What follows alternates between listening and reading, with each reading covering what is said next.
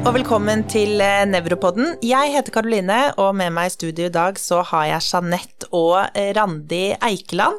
Hei og velkommen til deg. Tusen takk. I dag, eh, Randi, så skal du snakke litt om TBE.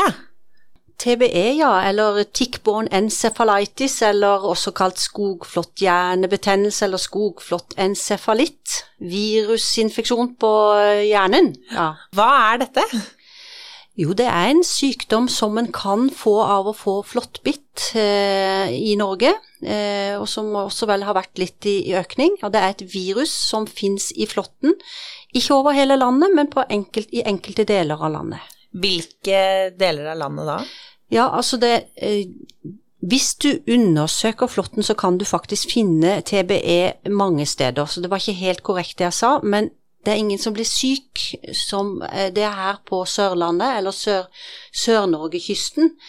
Eh, og den, eh, den stripa, holdt på å si kyststripa, hvor man har fått TBE de siste årene, den har blitt litt større. Så vi har faktisk også fått en innlandskommune, og litt lenger også vest for Oslofjorden nå. Før så var det liksom fra Oslofjorden og ned til Flekkefjord.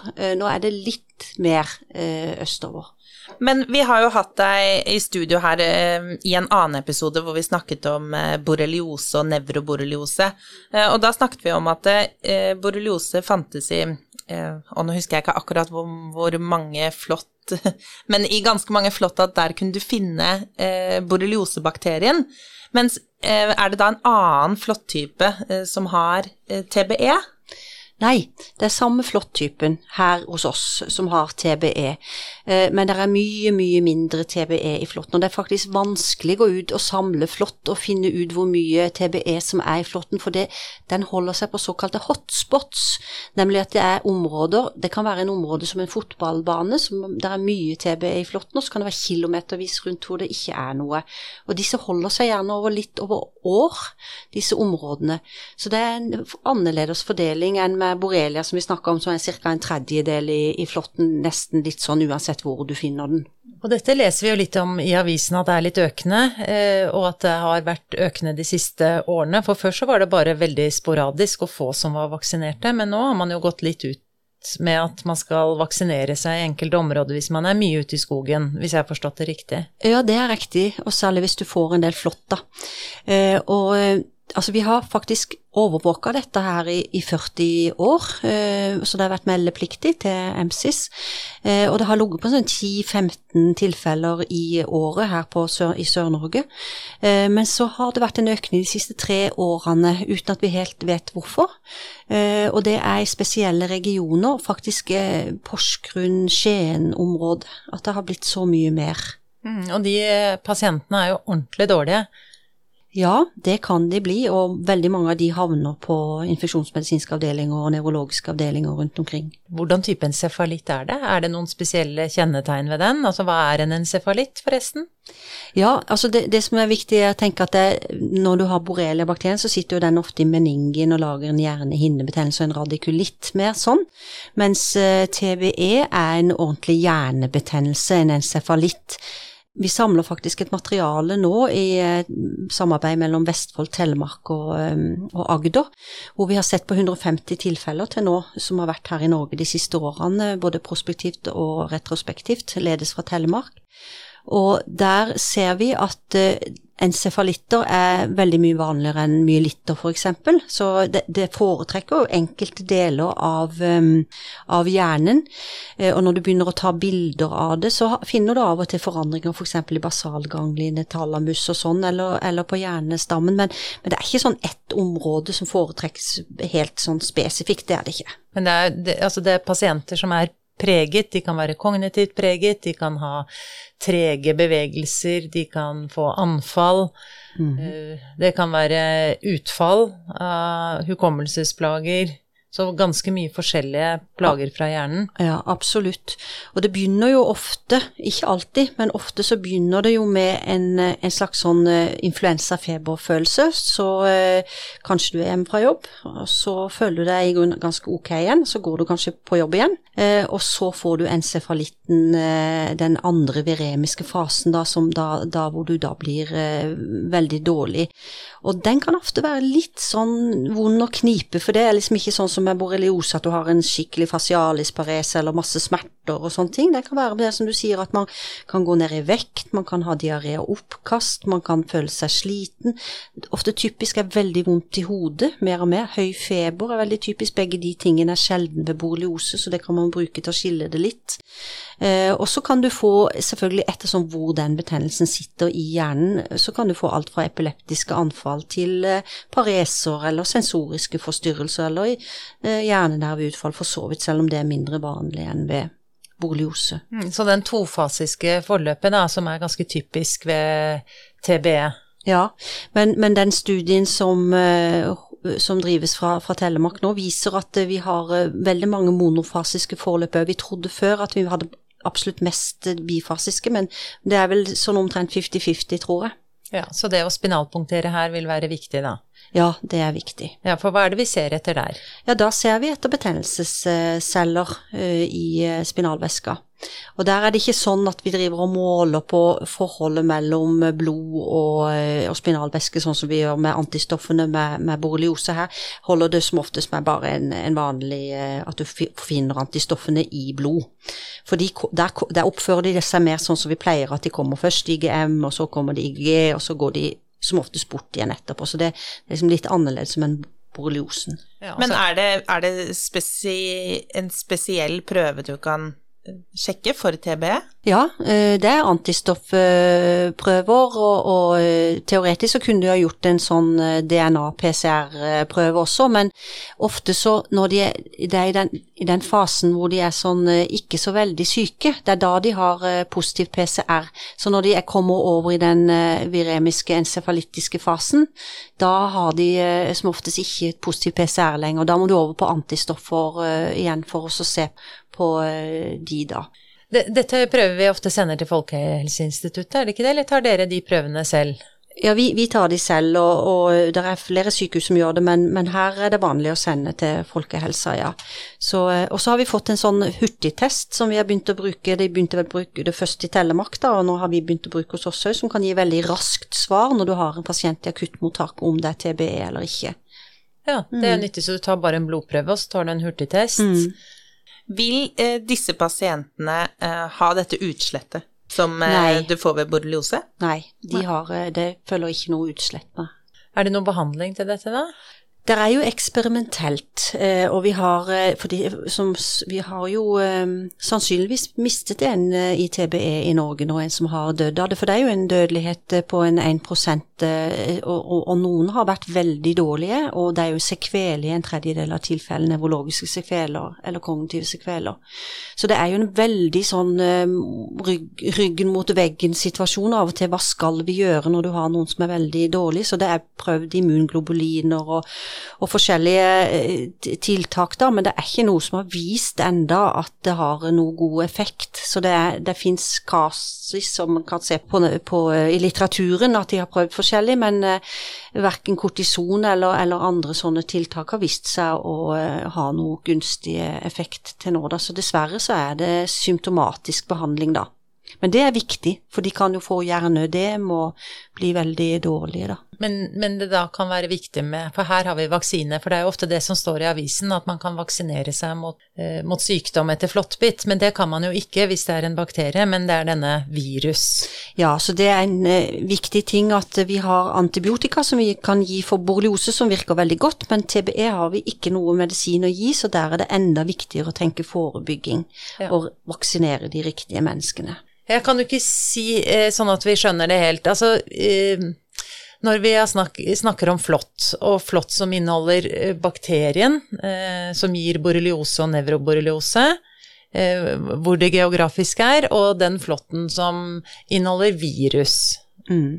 Det er jo den samme flåtten, og den er avhengig av at det ikke er for tørt spesielt, og for kaldt. sånn at derfor er det geografiske området i Norge hvor det er flått, og hvor det ikke er flott, som kan etablere seg iallfall. Men så er det sånn at der hvor du har flått, så pleier vi å si at eh, per tommelfingerregel så har du også borreliose i flåtten. Så det er ikke så avhengig av hvor du er geografisk i det området hvor flåtten er. Mens på TBE så er det mer avhengig av eh, enkeltområder.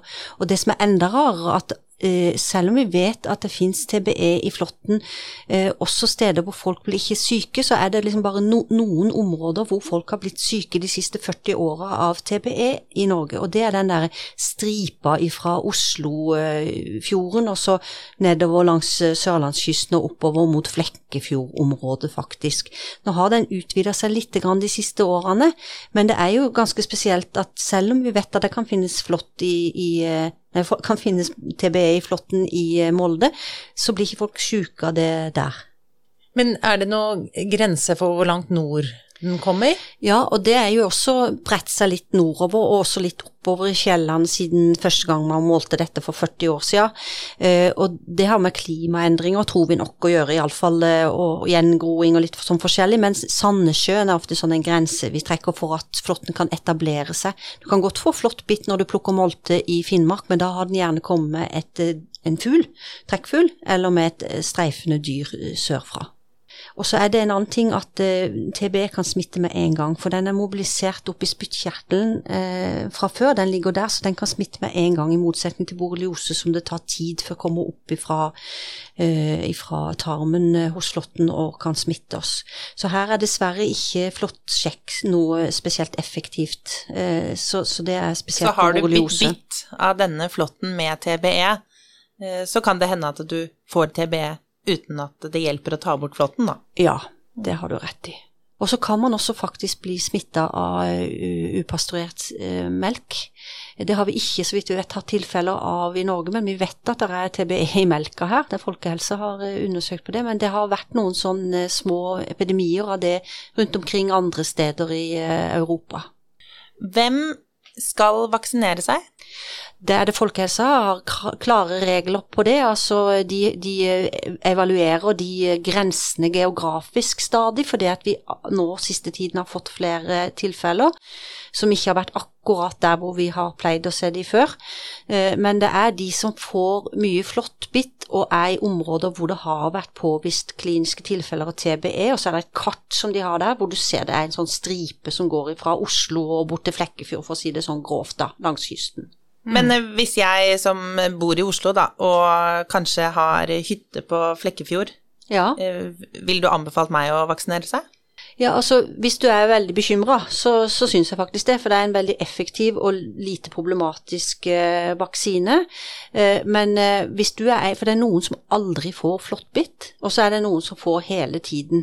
Så Folkehelsa setter jo den grensa med ofte flåttbitt, og så spør de oss hvor mye er ofte flåttbitt, eh, og så sier vi ja, en to-tre bitt i året har vi bestemt oss for at det syns vi er ofte. Men det blir så jo litt sånn Er det sånn noen mennesker som tiltrekker seg flåtten litt mer enn andre? Ja, det er det, absolutt. Så det kan være et ektepar som går ut i skogen og plukker blåbær med bikkja, holdt på å si, begge to, og den ene får masse, og den andre får ingenting. Hvorfor er det sånn, da? Ja, det har jeg fått spørsmål om mange ganger, og nå kan jeg faktisk svare litt mer på det enn før, for vi tror det har noe med lukt å gjøre, fermoner og CO2-utskillelse som er forskjellig. Men det lønner seg alltid å ha på seg og dekke beina Gjør det ikke det? Og det dekker seg med klær? Jo, fordi at flåtten, den, og det kan jeg snakke mange timer om, men den eh, har ikke så mye energi, og den sparer den veldig på. Sånn at den klatrer sjelden noe høyere i vegetasjonen enn opp til sånn ca. en meter. Sånn at hvis de har på lang bukse eller sokker uh, utenpå buksene nede, så er det ganske stor Hvis de da ikke legger oss ned og ruller rundt, så er det ganske stor sjanse for at de ikke får det på oss. Så, så det, Og så kan man bruke myk, myggspray. Uh, det hjelper. Ja, så er denne flåttsjekken mot borrelia, da. Ja. ja. Eh, og, og flått har jeg skjønt er i edderkoppfamilien, er det sånn? Ja. Det er ikke et insekt, egentlig. Det er en Nei. sånn midd-lignende, edderkopplignende skapning. Med eh, seks bein i starten, og åtte leste vi etter hvert. Ja. Og så er det liksom ulike stadier. Ja, det er det. Sånn at eh, noen tror det er forskjellige typer flått, men det er egentlig den der familien som vi snakker om, som er eh, den hyppigste flåtten hos oss, skogflåtten. Den kan bite oss i forskjellige stadier, og, og, de to voksne, det er hun og han, og de er da eh, som et chilikorn cirka i størrelse, men den som vi får mest smitte av, det er den eh, nymfen som er som et eh, blyantpunkt. og, det, og den er jo vanskeligere å oppdage, så derfor smitter den oss oftere. Den har litt mindre smittestoffer i seg, men den smitter smitter oss ofte fordi ikke vi oppdager den. Men du sa det at eh, altså, den virusinfiserte flåtten, den er ofte liksom i klynger. Er det også fordi at flåtten Altså de legger jo, hva var det for noe, 4000 egg eller noe sånt per Ja, det er heldigvis veldig få av de som vokser opp, da, men ja. ja. Men er det fordi de liksom legger egg Altså, er det sånn? Altså, vi, vi, vet ikke helt hvorfor det er sånn at det er så knytta til enkelte områder, men det har nok noe med hvordan, eh, hva som skal til når de skal formere seg, eller ja, eh, og det mm, å smitte hverandre og med, med, disse smittestoffene, om de må være samtidig på dyret eller det er, det, Vi vet ikke helt sikkert det, men det, det, er veldig typisk for TBE at det er eh, sånn enkelte områder hvor det er mye, og andre steder hvor det ikke er noen ting. Mm. Det å være varsom i skogen og uh, vurdere å vaksinere seg er kanskje de viktigste tiltakene for Ja, jeg sier det. Det viktigste er å ikke være redd for å gå i skauen, for det ville være det verste vi kunne gjøre. For det er faktisk sånn at du kan få eh, altså av 100 flåttbitt, så er det to du kan bli syk av, og da er det i 90% av tilfellet dette utslettet som er veldig uskyldig. Sånn at vi skal ikke gå rundt og være så redd. Men flåttsjekk hver dag, på ungene også, oppe i hårfestet. De er jo en meter høye, så de får jo de der. Og så er det eh, vaksine for de som får mye flått eh, og er i det området hvor det har forekommet TBE. Så har vi gjort ganske mye bra, og slipper å tenke på det, tenker jeg. Da tror jeg vi har fått med oss eh, det meste eh, om TBE i dag. Tusen hjertelig takk for at du kom og ble med oss i dag, Randi. Takk for at vi kom. Med.